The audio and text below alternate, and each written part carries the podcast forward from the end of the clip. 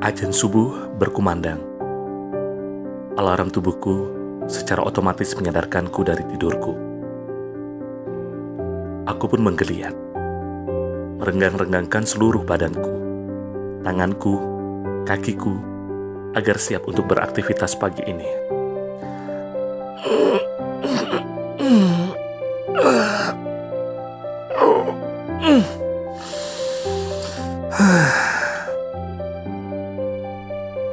Hari ini hari Minggu. Bagi sebagian orang, ini adalah waktunya untuk bermalas-malasan, rebahan di atas kasur.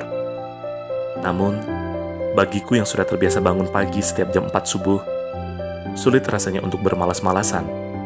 Karena mau tidur jam berapapun di malam harinya, tubuh ini akan selalu menyadarkanku untuk bangkit pada jam yang sama setiap harinya. Sabtu dan Minggu di saat aku libur dari berbagai rutinitas pekerjaan, inilah saatnya meluangkan waktu untuk berolahraga di akhir pekan. Lari pagi menjadi pilihanku sejak tiga tahun terakhir ini.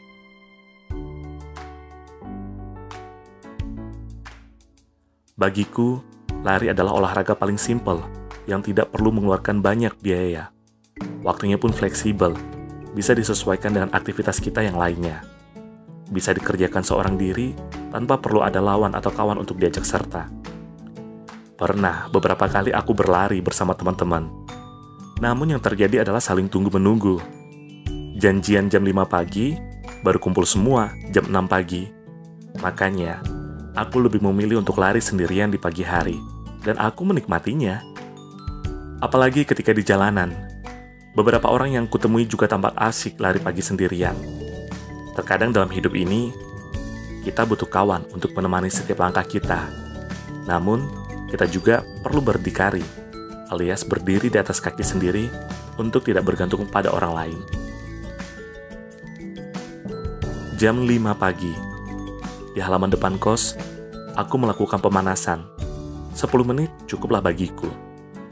Aku nyalakan aplikasi lari untuk mengukur jarak tempuh dan mengontrol pesku lalu kunyalakan playlist musik sebagai mood boosterku untuk berlari pagi ini.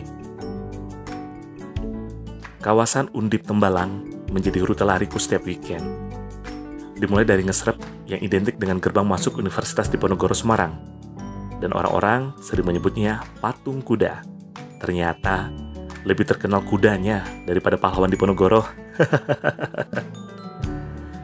Kakiku melangkah menapaki jalanan aspal menuju kawasan Undip Tembalang Biasanya setelah sampai di Jalan Profesor Sudarto, aku akan mengambil rute menuju kawasan Rumah Sakit Nasional di Ponorogo dengan melewati Fakultas Psikologi dan Fakultas Ekonomi dan Bisnis.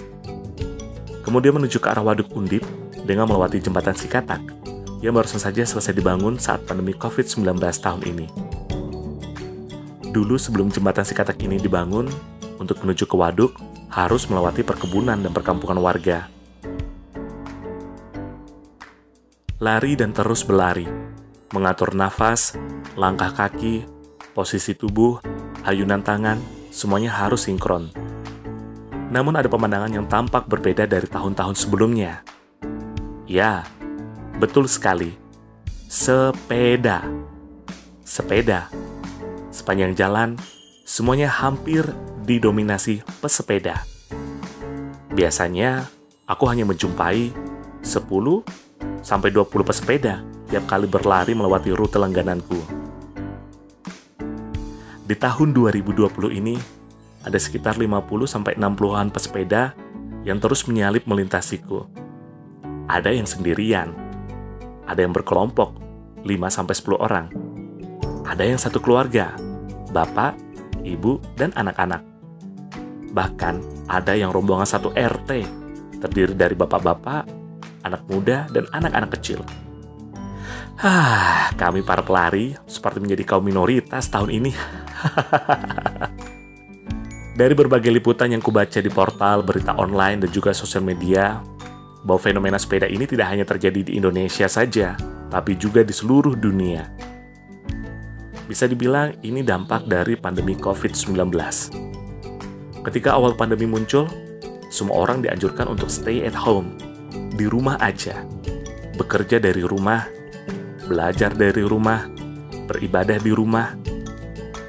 Semuanya dilakukan di rumah. Namun di sisi lain, kita juga dituntut untuk melakukan aktivitas fisik atau olahraga untuk menjaga daya tahan tubuh atau imun tubuh. Beberapa olahraga justru berisiko dilakukan karena rawan penyebaran virus corona, seperti gym, olahraga berkelompok, aerobik, zumba, futsal, dan sebagainya. Alhasil, tempat olahraga pun banyak yang tutup. Dan akhirnya, sepeda jadi alternatif transportasi yang aman dan menyehatkan di saat kita harus menjaga jarak aman ketika menggunakan transportasi umum dan meminimalisir adanya kontak fisik dan orang lain.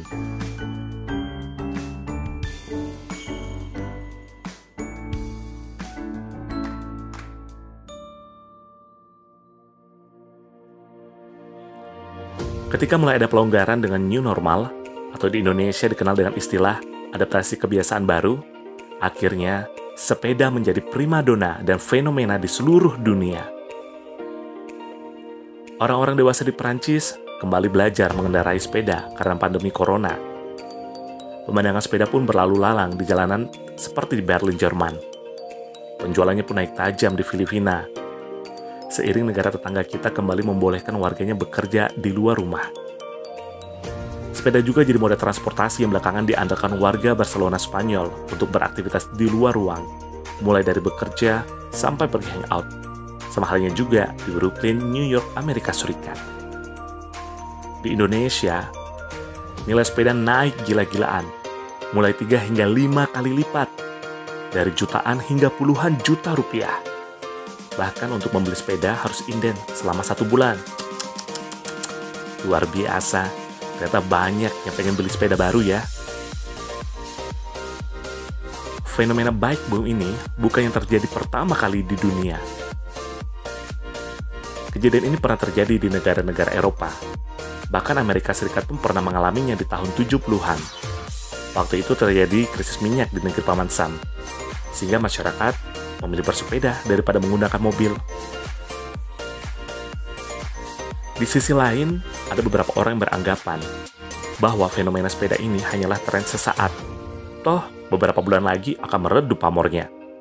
Percuma beli sepeda mahal-mahal kalau niatnya untuk ikut-ikutan tren. Bahkan, ada teman aku yang mendadak jualan sepeda dan nawarin dagangannya ke aku.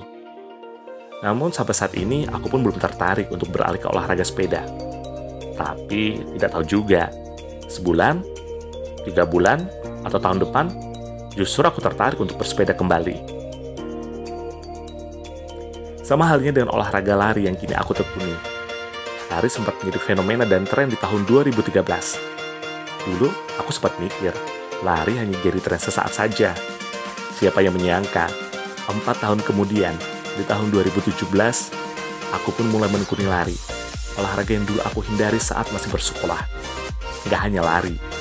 Pelajaran olahraga adalah pelajaran yang jadi momo bagiku saat masih SD, SMP, dan SMA. Kini, karena menyadari pentingnya kesehatan, perlahan-lahan aku pun mulai memilih, memilah olahraga apa yang cocok buat aku yang tidak begitu mencintai dunia olahraga. Akhirnya pilihanku jatuh pada olahraga lari dan renang.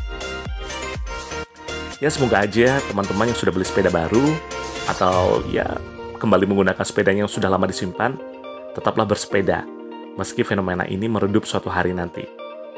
Jadi, masyarakat pun bisa melihat kalau para pesepeda ini adalah orang-orang yang mau sehat dan orang yang mau transportasi aktif bukan mengikuti tren sesaat.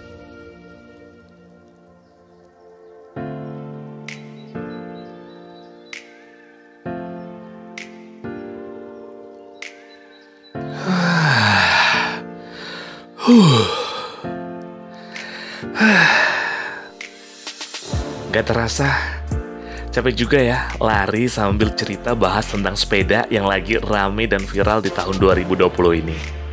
Kalau udah selesai lari seperti ini, jangan lupa lakukan pendinginan biar otot kita kembali rileks setelah berolahraga dan biar tubuh serta pikiran kita juga ikutan rileks. Setelah olahraga, enaknya ngopi dulu di pagi hari biar tambah segar paling enak itu minum top coffee gula aren. Kopi yang lagi heboh, viral, dan hits banget. Iklannya muncul di mana-mana. gue Ar Irham. yang udah ikutan kelas podcast Kaskus 2020, udah nggak asing lah sama Top Coffee Gula Aren. Salah satu rahasia yang bikin Aga dan Abe selalu lucu tiap kali jadi host kelas podcast Kaskus. Coba kalau nggak minum Top Coffee Gula Aren, ya tetap lucu. nah, Top Coffee Gula Aren ini adalah kopi kekinian yang sangat populer di tahun kemarin dan tahun ini, terutama di kalangan Gen Y dan Gen Z sehingga top kopi gula aren ini akan menjadi tren baru bagi penikmat kopi kekinian di Indonesia. Kopinya ngehits, gula arennya legit. Top Coffee Gula Aren ini praktis banget karena kemasannya 3-in-1 instant coffee yang praktis diseduh. Kalau mau dikreasikan sesuka kamu, boleh banget. Bingung? Cari ide enaknya dikreasikan kayak gimana ya? Langsung aja nih, follow IG at Top Coffee ID. Sekali lagi ya, at Top Coffee ID. Di feednya itu banyak banget kreasi top coffee gula aren yang keren-keren dan bisa kamu coba di rumah. Cuman kalau aku sukanya yang praktis aja lah. Kalau nggak dikasih air panas ya ditambahin es batu, biar seger. Pokoknya nikmati top coffee gula aren ini dengan gaya kamu. Top coffee gula aren hits kopinya. Kayaknya udahan dulu ya obrolan kita bahas tentang lari dan sepeda ini. Aku mau lanjutin nikmati ngopi dulu bersama top coffee gula aren sambil bikin podcast. Ah, enak. Top Coffee Gula Aren, hits kopinya.